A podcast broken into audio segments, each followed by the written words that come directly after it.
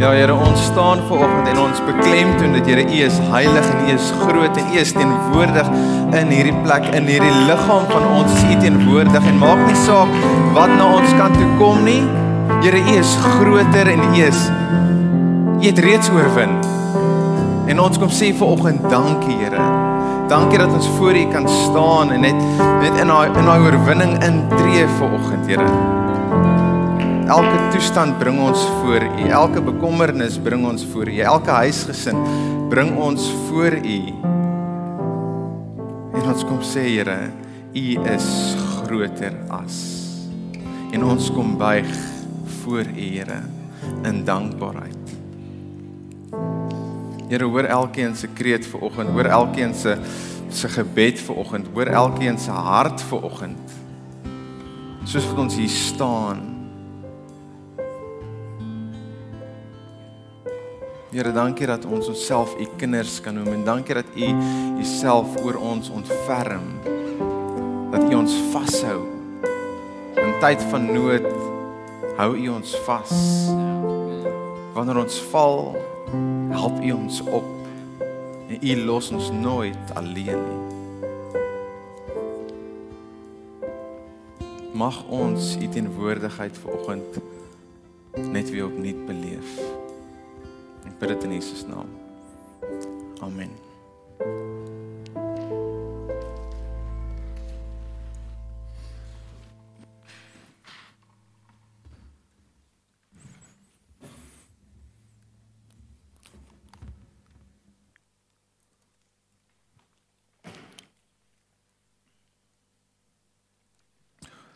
Goeiemôre gemeente. Hoe gaan dit? Gaan goed en dit gaan dankbaar. Dit is lekker om te hoor. So ek wil net ek hoop dit hoop dit bly goed gaan met julle maar hier's 'n seker persoon met wie dit dalk nie so goed gaan gaan as hulle nie hulle kar se ligte gaan afsit nou binnekort nie. Daar is 'n wit i10. Nou volgens my kennis 'n i10 is 'n Hyundai en dit is registrasie C CA in die Belwel 102 729. Jy moet nou opstaan. Want jou kar se ligte is nou al van van voor van die begin van hierdie diens is hy nou al af. Sien? Aan. Hy's aan, nie af nie. Hy moet af wees. So gaan skakel. Dit is 'n CA 102729 wit i10. Is hy daar? Het ons hom? Yes. Go. Moenie skaam wees nie. Go. OK. sien julle uit na vanaand? Vanaand is ons belewenis aand. Ek sien uit daarna. Dit gaan ek dink dit gaan 'n uh, 'n baie ehm um, ek wil sê awesome romende tyd wees. Dit gaan 'n lekker tyd wees. Dit gaan 'n lekker tyd saam met vriende wees en 'n lekker tyd in die Here se teenwoordigheid. En nie dat ek sê die Here is nie by jou huis nie, maar dit is lekker om so saam as gelowiges te kom en net saam die Here se naam groot te maak. Ehm um, ek weet nie of jy al ooit vir 'n um 'n livestream aanbidding probeer doen net nie om saam te probeer worship en it's just not the same. Dit is nie dieselfde nie. Jy, jy en dit gaan nie net oor die gevoel nie, maar jy's nie saam met ander mense nie en ek dink dit is in hierdie saamkom, in hierdie saam wees wat die Here net besig is om om te werk. So vanaand is ons aanbiddingsaand. Maar ons is nie by vanaand nie, ons is nou by vanoggend. Ehm um, so laasweek het ons hierdie reeks het ek hierdie reeks ingelei wat moontlik vir jou na die punt toe kan kry waar jy die ware jy kan word, die jy wat God jou geskep het om te wees. Besef jy dat jy nog nie daai jy is nie? Besef jy dat jy nog nie op daai plek is waar hy wil hê jy moet wees nie? Besef jy dat jy besig is om 'n pad te stap? Besef jy dat jy besig is om geskuur te word, gevorm te word, gemal te word soos wat 'n kleintjie klei vorm? Besef jy dat jy gevorm word en dat jy op pad is eers heen? Ons het gekyk na ons het gekyk daarna om bietjie met ander oë te kyk en na 'n ander 'n ander ingesteldheid te kry om na jou journey te kyk in hierdie pad wat jy stap. En die twee woorde waarna ons gekyk het is om te probeer en om te oefen, om te probeer soos Jesus wees teenoor om te oefen om soos Jesus te word. Nou ek het opgestaan en ek het probeer 120 kg bench press. Hierdie armpies gaan dit nie kan doen nie. Hy daai gaan sommer op my val. Teenoor ek het opgestaan en ek gaan oefen sodat ek eendag 120 kg kan bench press. Want dan gaan ek begin met 10 kg dalk. Maar my ingesteldheid, ek wil eendag dit kan doen. Wanneer jy probeer het, dan voel jy gewoonlik mos sleg. Jy voel soos 'n mislukking. Jy voel jy gaan dit nooit regkry nie. Teenoor wanneer jy oefen, dan sien jy die groter prentjie raak. Die lang pad, die journey, die die weer en weer en jy sien die die einddoel raak, die eindbestemming. Jy is op pad eers heen. En jy sien die nut daarin raak om elke dag sekere dissiplines toe te pas in jou lewe.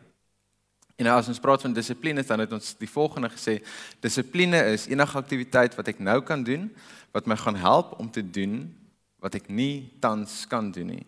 En dan geestelike dissipline is enige aktiwiteit wat my help om te leef soos Jesus geleef het. En nou vandag begin ons met drie dissiplines en die volgende drie dissiplines onthou net laasweek het ek gesê moenie alles op een slag probeer nie onthou jy dit? En ek is seker daarvan. Toe ons la ek het nog eers gepraat van sekere dissiplines nie maar toe ons laasweek hier weg is is ek seker daarvan Mense het nie noodwendig meer ingestel het gaan om te oefen hier weg nie. Hulle het weer gaan probeer. Ek het weer gaan probeer. Ek het my Bybelplan regkry dat ek net elke dag hulle het gaan probeer, hulle het gaan probeer. Maar ek wil jou nooi om ingesteldheid te kry van oefen. Daar's 'n einddoel. Elke dag is ons besig om te oefen. Nou die dissiplines waar waarby ons vandag gaan stil staan is die volgende. Dis die dissipline van vreugde, dissipline van om stadiger te leef en die dissipline van gebed. Nou die eerste enetjie is is vir my 'n vreemde konsep, dissipline van vreugde. Ek meen wat wat is dis is vreugde, dissipline? Hoe is dit 'n dissipline? Ek meen hoe oefen mens vreugde? Wel, Dalk kom vreugde vir jou natuurlik. Dalk is jy 'n mens. Ek kan aan een mens dink in hierdie gemeente en hy sit daar so. As jy hom sien dan kry jy sommer 'n smile op jou gesig. Jy lag en jy en jy geniet sy teenwoordigheid. So jy hoef dalk nie hierdie te oefen nie. Jy weet van wie ek praat. Maar dalk ervaar jy gereeld 'n swaar hart, 'n donkerte, 'n las. Vreugde is iets wat vir jou natuurlik kom nie. Dit is iets wat waaraan jy moet werk. Jy is die jy is die een in die kantoor wat heeltyd besigheid gesels. Jy is die een wat heeltyd in jou vriendegroep die ernstige een is. Jy is die een wat as omstandighede moeilik is, dan stap jy met 'n donker, swaar wolk op jou skouers. C.S. Lewis sê, "Joy is the serious serious business of heaven." Nou ons jongste kind Naomi is besig om hierdie vir my te leer. Sy is besig om vir my vreugde te leer elke liewe dag. En sy sy leer my baie goed. Regtig, jy leer baie goed by 'n 4-jarige, 2-jarige, 3-jarige. Maar op hierdie oomblik leer ek nogals baie van vreugde. In die afgelope tyd en ek het geen idee hoekom nie, maar sy lag sommer net uitspattig vir, vir enige iets. So sy bring vreugde in die huis. Wanneer hulle klaar gebad is, dan hardloop sy met haar klein lyfie daar in die gange af en sy dink sy's sy's 'n ou Hans Wors vir daar in die huis rond hardloop. En dit is vir haar verskriklik snaaks. Wanneer sy moet aantrek, dan guggel sy en sy lag, sy lag vir haar sussie, sy lag vir my en en ek wil net hê sy moet aantrek kry jou klere oor, ons moet aantrek, ons moet tande borsel, ons moet hare borsel, ons moet by die skool uitkom anders gaan ons laat wees wat ons nog nooit was nie. En dan vra ek vir haar partykeer, Naomi, ek wil net verstaan, hoekom lag jy? En dan kyk sy vir my, want ek kyk vir jou. en dan ek, Regtig, is dit ek meer En alvan ek dink die take moet gedoen word. Daar's dingetjies wat gedoen moet word. En in dit is ek besig om die vreugde van daai oomblik te mis. Waar sy maak van elke liewe oomblik, is sy besig om 'n joyous oomblik van te maak. En aan die een kant het jy die kind wat hierdie vreugde bondel is en aan die ander kant het jy hierdie pa wat net wil hy wil net sy dinge doen. Ons gaan laat wees, ons moet betyds wees, taak klaar maak. En ek mis die vreugde in daai oomblik. Kan jy imagine dat God 'n vreugdevolle God is? Dat God 'n pa is wat wat lag saam met jou. Dat God 'n pa is wat stories geniet dat hy luister na jou stories, dat hy saam met jou lag, dat hy la, dat hy dit geniet om tyd te spandeer saam met jou. Of is jou prentjie van God nog altyd hierdie ernstige figuur wat neerkyk op jou, wat daar sit en loer en nie regtig engage nie en is net daar om jou te straf, soos 'n regter om jou oor die vingers te tik wanneer jy die verkeerde pad stap. Of kan jy vir God sien as iemand wat lag, iemand wat engage, iemand wat in die oomblik teenwoordig is saam met jou, wat saam met jou om die tafel sit, saam met jou lag vir die stories wat vertel word. Kan jy insien dat God die mees gelukkigste wese kan wees in die univers. Kan jy? En sy droom is dat ek en jy hierdie vreugde van hom reflekteer. Johannes 15 vers 11 sê Jesus sê, I have told you this so that my joy may be in you and that your joy may be complete. En Louis Schmitz gaan gaan verder en hy sê To miss out, out on joy is to miss out on the reason for your existence. Kan jy dink dat God so ernstig voel oor vreugde? Hæ? Huh?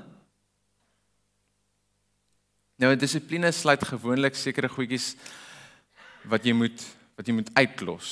Jy weet, sny sny die suiker uit, sny die brood uit, sny die melk uit, sny die jy weet die pastas en al daai goed uit dit is 'n dissipline. Maar die dissipline van vreugde is so bietjie anders. Dit moedig jou aan om sekere goed te doen, om sekere goed toe te pas in jou lewe en Nehemia 8 lees ons hierso lees gou saam met my. Hulle het uit God se wetboek voorgeles en mooi verduidelik wat dit beteken. Hulle het seker gemaak die mense verstaan wat gelees is. Die mense het begin huil toe hulle hoor wat in die boek staan. Die arme mense. Toe het Nehemia die priester en skrywer Esdra en die leviete wat die gebooie vir die mense verduidelik het gesê: "Julle moenie treur of huil nie. Vandag is 'n spesiale dag wat aan die Here, julle God gewy is."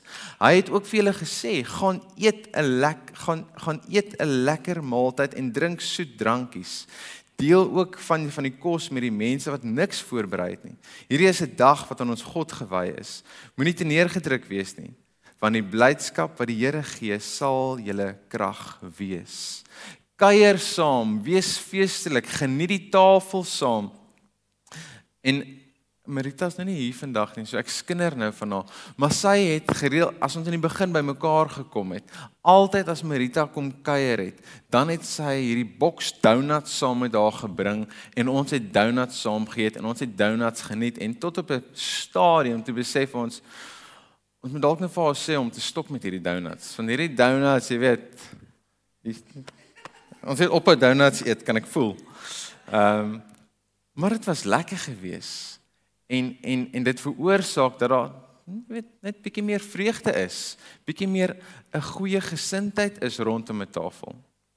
So waar en hoe begin mens met hierdie dissipline? Hoe oefen ek vreugde? Nou Psalm 118 sê vers 24 Janine Dit is die dag wat die Here gemaak het. Laat ons daaroor juig en bly wees. So wanneer begin ons? Ons begin vandag. Ons begin nou. Jy sit in skool en jy dink Man, as ek net klaar kan maak met skool, dalk eendag dan gaan ek gelukkig wees. Jy maak klaar met skool of jy gaan hoërskool toe. Universiteit. Man, dalk eendag gaan ek gelukkig wees. Dalk as ek iemand ontmoet om my lewe saam te deel, dan gaan ek gelukkig wees. En jy ontmoet iemand en jy dink eendag as ons trou, dan gaan ons gelukkig wees. Eendag as ons ons huis het, dan gaan ons gelukkig. Eendag as ons kinders het, dan gaan ons gelukkig wees. Waar die psalmskrywer sê, vandag is die dag wat die Here gemaak het, laat ons juig en bly wees. So hou op vir eendag. Hou op vir daai perfekte geleentheid wag om in jou skoot te val om gelukkig te wees want jy mag dalk net baie baie lank wag. En die vraag natuurlik ook is, hoe vind ek vreugde in 'n land waar dinge so donker lyk die meerderheid van die tyd? Gelukkig dis weird. Daar's krag in ons huis meer permanent deesdae en dis lekker. Dis 'n lekker gevoel. Eskom is besig om sy dinge te doen. Amen. Weet ons is die groot fans, maar hy, let's hope.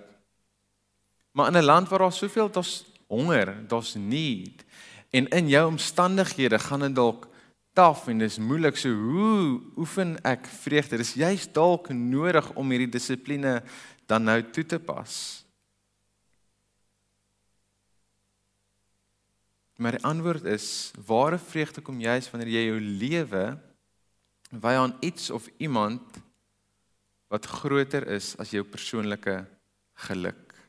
So dit wil sê ten spyte van jou situasie, ten spyte van jou siekte, ten spyte van die slegte nuus, ten spyte van jou omstandighede by die werk, ten spyte van is dit nog steeds moontlik om vreugde te beleef.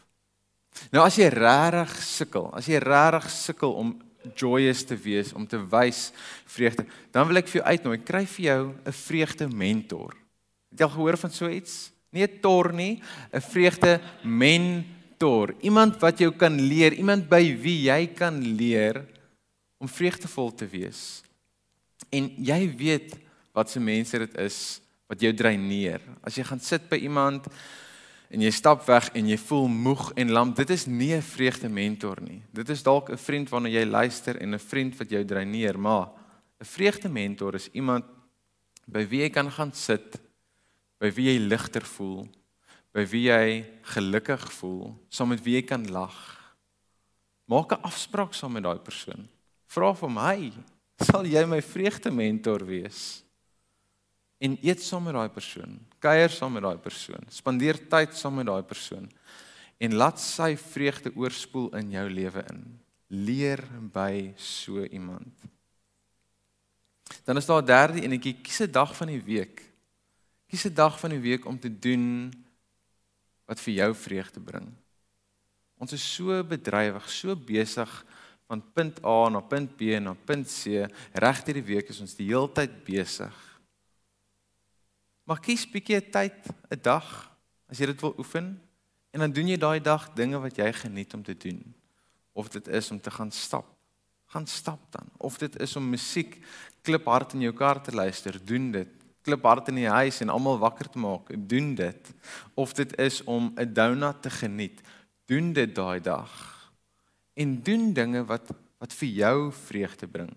Ietsie wat ons doen as ons as ons 'n fliek kyk in ons huis dan aan aan die einde van elke fliek dan sal Amelia vir ons sê ons moet nou dans. So as as die krediete so verbygaan, die name en goed en die musiek speel mos nou nog, dan ons kan nie dadelik stop nie. Die movie is nie klaar nie. Dan moet ons eers opstaan en ons moet dans en dit is lekker.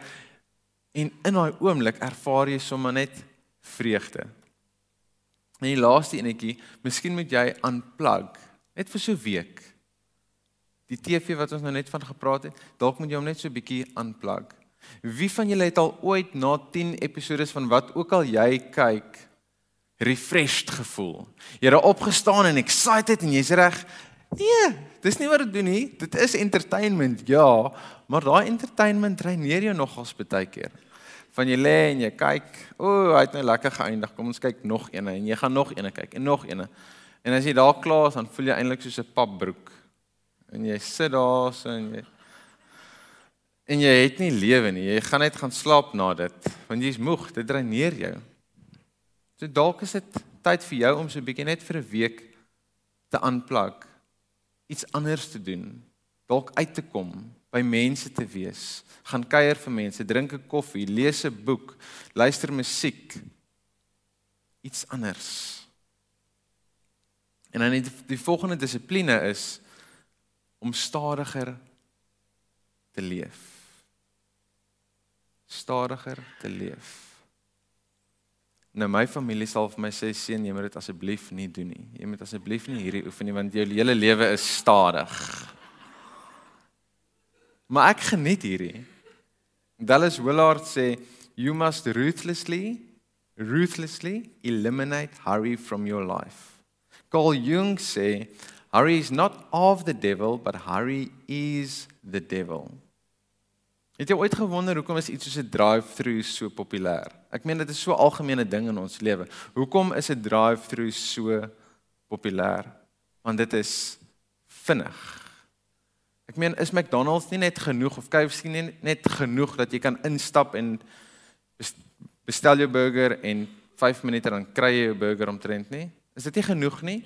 Dan moet 'n drive-through wees want hulle die navorsing toon dat gemiddeld wag 'n persoon 255 sekondes om gehelp te word by 'n drive-through. Jy weet net lekker vinnig. Van ons is hastig. Ons wil ons kos kry, ons wil eet, ons moet jy weet ons bly daar naby twee skole, maar daar's baie oggende wat ouers ook net vinnig stop by die McDonald's, kry 'n ontbyt, want daar was nie tyd gewees by die huis om ontbyt te kry nie. So nou moet ons net sommer gou stop daar by McDonald's en ontbyt kry en sodat ons kinders net vinnig kan eet. Al ooit gewonder hoekom 2-in-1 shampoo so vinnig verkoop, so goed verkoop? Want dit spaar tyd. Jy hoef nie meer jou hare te was, af te spoel, conditioner op te sit en weer af te spoel nie. Nee, mense selfs gejaag in die stort. Ek lawe lekker stort. Ek geniet nie 2-in-1 shampoo nie. Ek geniet dit om rustig te staan en net te wees. Is daar nog iemand saam met my? Yes. Yes. Ons lewe in 'n gejaagde tyd en en ons dink hoe vinniger ons lewe, hoe vinniger ons beweeg, hoe vinniger ons goed doen, ons dink hoe meer tyd gaan ons hê. En dis 'n groot leuen. Jy gaan net soveel kan doen in 'n dag. En een van die goed wat ek opgelet het toe ek in my tyd in Angola was, is daai mense het tyd. Hulle het dalk nie besittings nie. Hulle het dalk nie voertuie om mee rond te ry nie. Hulle het dalk nie die mooiste klere nie. Maar hulle het tyd en hulle is ryk aan tyd. Hulle sal uitgaan in die lande dalk kos bymekaar maak. Hulle sal 'n paar kilometer stap om water te gaan haal. As dit alles wat hulle doen vir die dag, dis genoeg. Maar ek en jy wil inpak soveel as moontlik. Ek het nog nie genoeg gedoen nie. Nog nie genoeg. Ek moet nog meer doen. Jesus leer ons menigmale om te stop, om te onttrek. Ons het nou die oggend by die manneoggend toe lees ons van van 'n geleentheid waar die disippels uitgestuur was en hulle het teruggekom en die eerste ding wat Jesus vir hulle gesê het was om te onttrek na 'n plek waar jy alleen kan wees, waar jy kan asem skep, waar jy kan gesels met die Here weer om weer te bid, om net weer te herfokus. No need to rush guys. Ons is besig met 'n maraton. Nie besig om te sprint nie. So kan ek gou by the raise of hands hier so sien. Wie is besig om vir Jesus te volg? OK, so is 'n paar van julle. 'n Paar van julle, julle is welkom om die journey saam te join. Maar as jy iemand volg, waar stap jy? Stap jy voor hom of stap jy agter hom? Jy stap agter hom, né? Ek dink nogals baie van ons is so gejaag, so gerush dat ons al lankal verby Jesus gestap het. Jesus is hier agter en hy sê: "Hey, hier is ek. Draai om as as jy my volg, jy weet, draai net gou om en dan kom volg jy my. En ons is nou weer maak net vinniger kom, moet goed doen, so stap net. En ons mis dit want ons is so gejaag.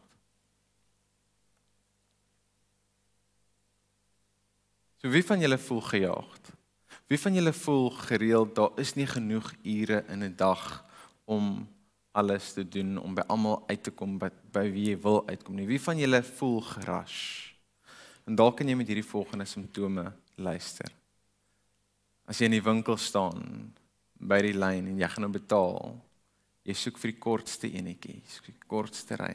En dan staan jy in die kortste ry Armand en dan staan jy daar en kyk jy Uh, daai kassier beweeg so bietjie vinniger, dalk moet ons na haar toe beweeg en dan stap jy vinnig en hardloop jy.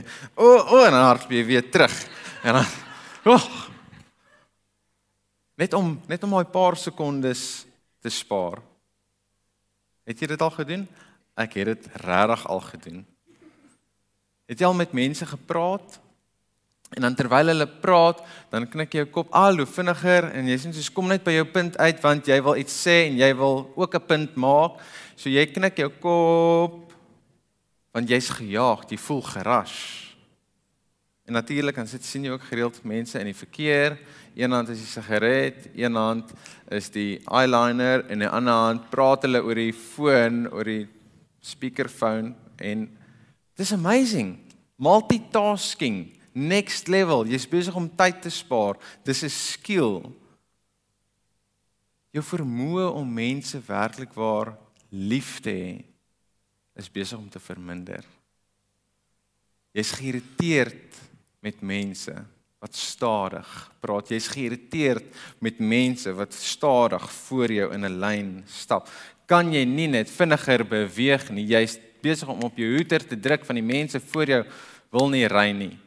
Ek daar's gereeld mense en dan staan ek en ek is of aan die slaap of ek met ek is regtig net baie stadig.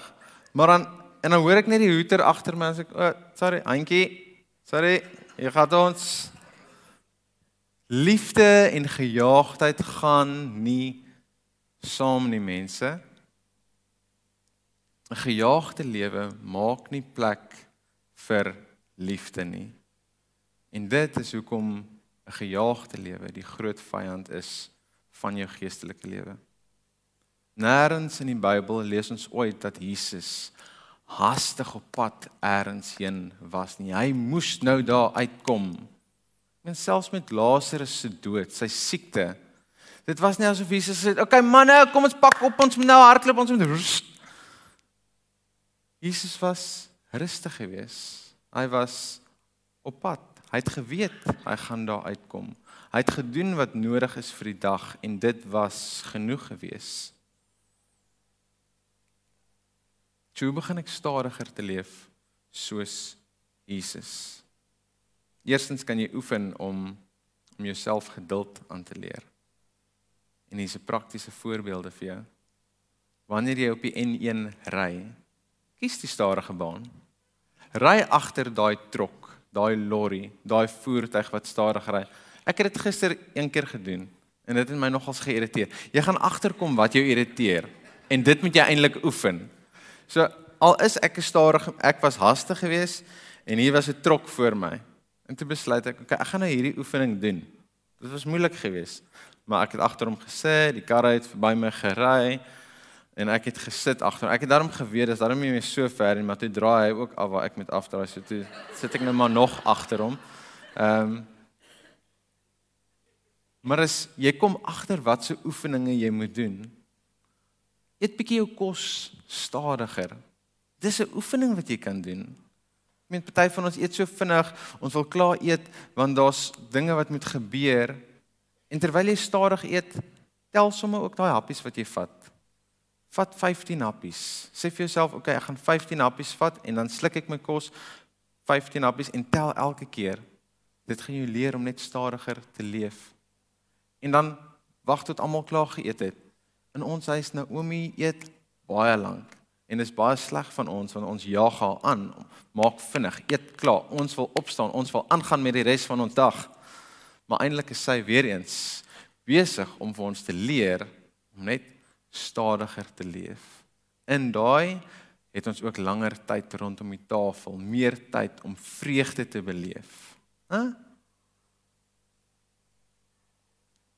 En en hier is hier is 'n baie moeilike een vir baie van ons. Kies die langste ry in die winkel. Gaan staan daarso. Moenie heeltyd kyk na die korter rye nie. Kies die ry waar die kaartmasjien nie lekker werk nie en daar iets vashak en jy moet nou nog langer staan. Staan stil daarso en groet aan die vrou vriendelik en as jy voorkom, jy kan maar voor my gaan as jy so 'n bietjie ekstra wil wees. En as jy regtig dit kan doen, probeer om 'n dag deur te gaan sonder om na jou tyd te kyk, sonder om horlosie te dra of tyd op jou selfoon te kyk of iets. En ek weet meeste van ons werk en tyd is belangrik. Doen dit dan op 'n Saterdag of 'n Sondag. Moenie heeltyd kyk net hoe lank is hy nou besig om te preek? Wat gaan nou aan hierso nie? Wanneer jy hierdie oefeninge doen, dan gaan jy agterkom dit is nie nodig om so gejaagd te leef nie. Dit is nie nodig om 120000 goed in 'n dag in te squeeze nie. So Jesus het baie klem gelê op die belangrikheid daarvan om om jouself af te sonder, om te onttrek, soos wat hy vir die disippels gesê het. En dis nie dat Jesus nie besig was nie. Hy het, hy het baie dinge gehad wat hy wou doen, wat hy gedoen het, maar hy het altyd tyd gemaak om homself af te sonder. Nou ons hou nie daarvan om onsself af te sonder nie, want wat doen ons? In besig wees klink ons belangrik. Nee, hoe gaan dit met jou? Nee, is besig. Dit was 'n besige week gewees. Daar's baie dinge wat gebeur en ek oeg, daar's nie genoeg tyd in die dag en dit is lekker om dit te sê want jy streel sommer jou eie ego. Maar om af te sonder mag soms baie eensaam voel. Dit mag voel asof jy nutteloos is want wanneer jy jouself onttrek, wanneer jy afsonder, dan is jy besig om jou skedules eenkant te sit. Jy is besig om mense eenkant te sit. Jy is besig om net tyd te maak om om jouself te wees en om saam met die Here te wees. Nou jy kan dit seker nie doen nie. Ehm um, want jy's getroud, jy het kinders, jou werk hou jou 24 uur 'n dag besig en Matthys dit is 2023. Dit is nie meer die tyd waar Jesus op die aarde rondgeloop het waar almal net hulle self kan afsonder en net doen wat hulle wil nie. Dis ons leef ook nie in Angola nie. Ons is in Suid-Afrika. Ons het 'n werk. Maar ek wil vir jou goeie nuus gee. Weereens, hier's 'n oefening wat jy kan doen. Om daagliks te begin met 5 minute En dalk is jy op 'n next level. Jy is soos 'n ure dag wat jy jouself net kan afsonder en net wees. Maar om net 5 minute stil te word. En in daai 5 minute jouself te herinner aan wie jy is. Aan wie se kind jy is, aan jou identiteit. Want wat gebeur wanneer ons onsself afsonder? Ons is besig om vir onsself te sê ons is niks werd nie want ons koppel ons identiteit baie aan dit wat ons doen, né? So as ek niks doen nie, dan is ek niks. Ons sukkel om te rus, ons sukkel om te onttrek, ons sukkel met hierdie afsondering. En dit voel soos 'n mors van tyd. Maar hoe meer jy dit begin doen, hoe meer jy stil word, jouself net so onttrek en hoe meer jy jou herinner aan jou identiteit en wie ek is en wie die Here my geroep het om te wees. Hoe meer gaan jy die waarde van dit beleef. Die laaste dissipline is die dissipline van gebed. En dis 'n moeilike dissipline want mense voel baie keer skuldig oor die en as ek nie bid nie, as ek nie gebid het nie. En man, ek is seker of van Jesus wou nooit gehad het ons moet skuldig voel oor as ons nie bid nie. Hoeveel van ons was al in daai plek op ons op jou gebedslewe? Jy wat vir Jesus volg, wat die enigste tyd wat jy bid is die tyd van desperaatheid. Jy het gehoor van 'n siekte. En man, jy bid. Jy het gehoor van 'n 'n 'n 'n nuwe pos. Here asseblief, ek ek het dit nodig. En ons bid. Ek meen nou in hierdie eksamentyd, mammas, pappas wat bid vir hulle kinders, desperaat. Here, ek weet my kind is nie die slimste nie, maar asseblief help hom. Kinders wat sit by die skoolbanke en bid. Ek het nie geleer gisteraand nie, maar asseblief sit dit in my kop en uh, ek dink daai skoolbanke kan vir ons baie vertel van gebede wat hulle al gehoor het. Ek dink dit moet baie snaaks wees om as 'n bank kan praat. En ons niks fout met daai gebede nie. Jy mag en jy moet doen dit asseblief. God luister. Dis nie dat God dit eenkant gooi nie. Maar vir jou om te groei in jou geestelike lewe, kan jy nie net bid elke keer wanneer jy desperaat is nie. Dan gaan jy nie groei nie. Dan gaan dit maar net wees nog 'n gebed, nog 'n smeek, Here asseblief help. Here doen dit. Here doen dit. Here asseblief en die groei vind nie plaas nie. So om te groei in gebed het jy twee goed nodig. Net twee goedjies. Jy het tyd nodig en jy het 'n plek nodig. Dis die twee goedjies. En dis iets wat elkeen van ons kan skep. Is tyd en 'n plek. En weer eens wil ek jou aanraai om te begin. 5 minute. 5 minute op 'n slag. Wat jy met die Here gesels. En hou by slegs 5 minute 'n dag of jy dit vir die volgende week wil doen of jy dit vir 'n maand lank wil doen. Stop jou gebedstyd by 5 minute. En nie 10 minute eendag skiep volgende dag wanneer jy het gister 10 minute gedoen en volgende dag gaan jy weer aan met elke dag 5 minute. En as jy dalk 'n dag of twee vergeet, moenie sleg voel daaroor nie. Moenie skuldig voel daaroor nie of moenie Saterdag probeer 30 minute inwerk omdat jy die hele week vergeet het om te bid nie. Dis nie waar dit gaan nie. Jy is besig om te oefen, te oefen om in 'n rotine te kom, te oefen na 'n einddoel, te oefen sodat jy kan transformeer. Nou hierdie 5 minute is nie 5 minute in die kar terwyl die radioklip hard blaar, terwyl Miley Cyrus se liedjies speel of iets soos dit nie. Dis nie terwyl jy in die kar is en die ander karre ry voor jou in en jy is jou hoed op jou hoeter nie. Hierdie 5 minute moet gebeur op 'n plek wat vir jou kan werk. Dit hoef nie in jou kas te wees waar jy nie asem kan haal nie. Asseblief en dan gaan jy net Dankie tog, ek is klaar nie. Die 5 minute moet wees waar jy gemaklik is. Dalk kies jy regtig vroeg in die oggend 5 uur om op te staan of 4 uur om op te staan, net gaan om 5 minute stil en rustig te wees en met die Here te gesels. Dalk is dit vir jou lekker om in die tuin te sit in die middagson. Dalk is dit vir jou lekker in die aand wanneer almal gaan slaap het en alles rustig is. Jy moet jou plek create waar vir jou lekker is. En dan vra mense ook mos die volgende vraag, maar waaroor bid ek? Wat moet ek vir die Here sê? As ons nou nie van ons is so gewoond om net te bid uit desperaatheid uit Here, dis dit en dit en dit en ons ons het ons lysies. Go go go go go. Maar elke oggend 5 minute, wat wat gaan ek nou hierdie 5 minute sê? En jy sê vir hom wat op jou hart is. Jy deel met hom. Want ek dink ons snap dit altyd, maar ons is in 'n verhouding met God met Jesus wat binne ons woon, die Gees wat binne ons is in 'n lewende verhouding met hom. Jy sê vir hom wat jou gelukkig gemaak het vandag. Jy deel dit met hom. Jy sê vir hom wat jou frustreer het die dag. Jy sê vir hom wat jou angstig gemaak het. En as jy dalk 10:00 in die aand bid en jy's moeg, dan sê vir hom, Here, ek is regtig moeg nou. En dan dalk kan jy verder gaan. Hoekom is ek moeg? Here, daai dit en dit en dit en dit vandag gebeur en dit het my uitgeput. Ek is gedreineer.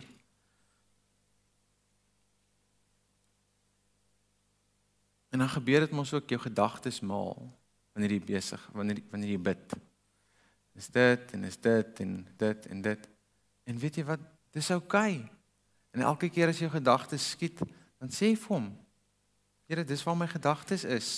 En dalk is dit 'n manier wat hy net besig is om uit uit te reach na jou. O, is dit wil jy met my gesels oor daai dan gesels jy met die Here oor daai gedagte. Here kos. Ag, ek dink al vir aan kos, Here. Hoekom dink jy die hele tyd dan praat jy met die Here daaroor? Dis nie 'n fout nie. In plaas daarvan om gebed as hierdie groot taak te sien wat voor jou lê. Hierdie ding waaroor jy moet skuldig voel elke keer as jy dit nie doen nie.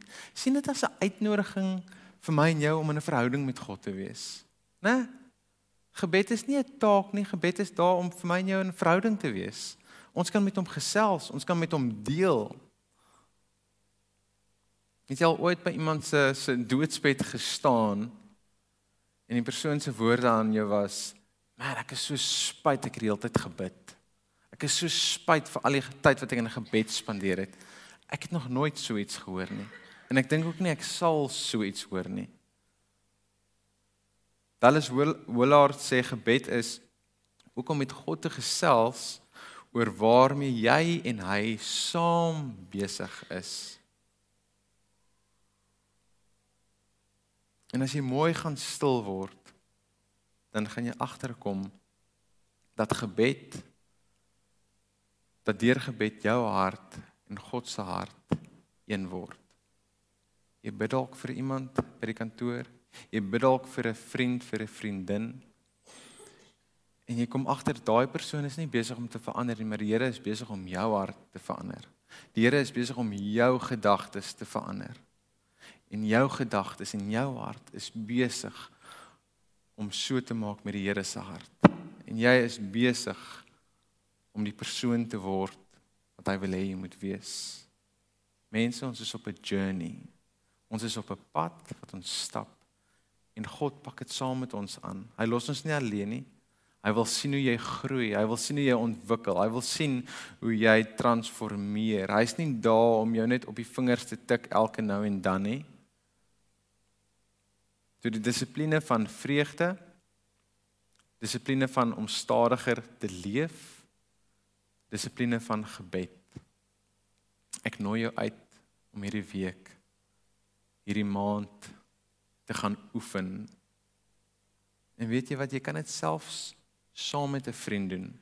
Saam met jou man, saam met 'n vrou, saam met 'n vriendin. En dit gaan dit lekkerder maak. Gaan dit makliker maak. Jy hoef nie alleen te oefen nie. Kom ons oefen saam. Now with God's help I shall become myself. Kom ons sluit af. Here baie dankie vir vir 'n oggend soos vanoggend. Dankie dat ons kan herinner word aan u liefde. Dankie dat ons kan herinner word aan u goedheid. Dankie dat ons kan herinner word dat u ons geroep het. En Here, dankie dat ek herinner word dat ek is op 'n pad. Ek is besig om te stap en te beweeg in 'n rigting in. Here, ek wil agter U bly. Ek wil aanhou voorkyk en vir U voor my sien. Aanhou in U rigting instap.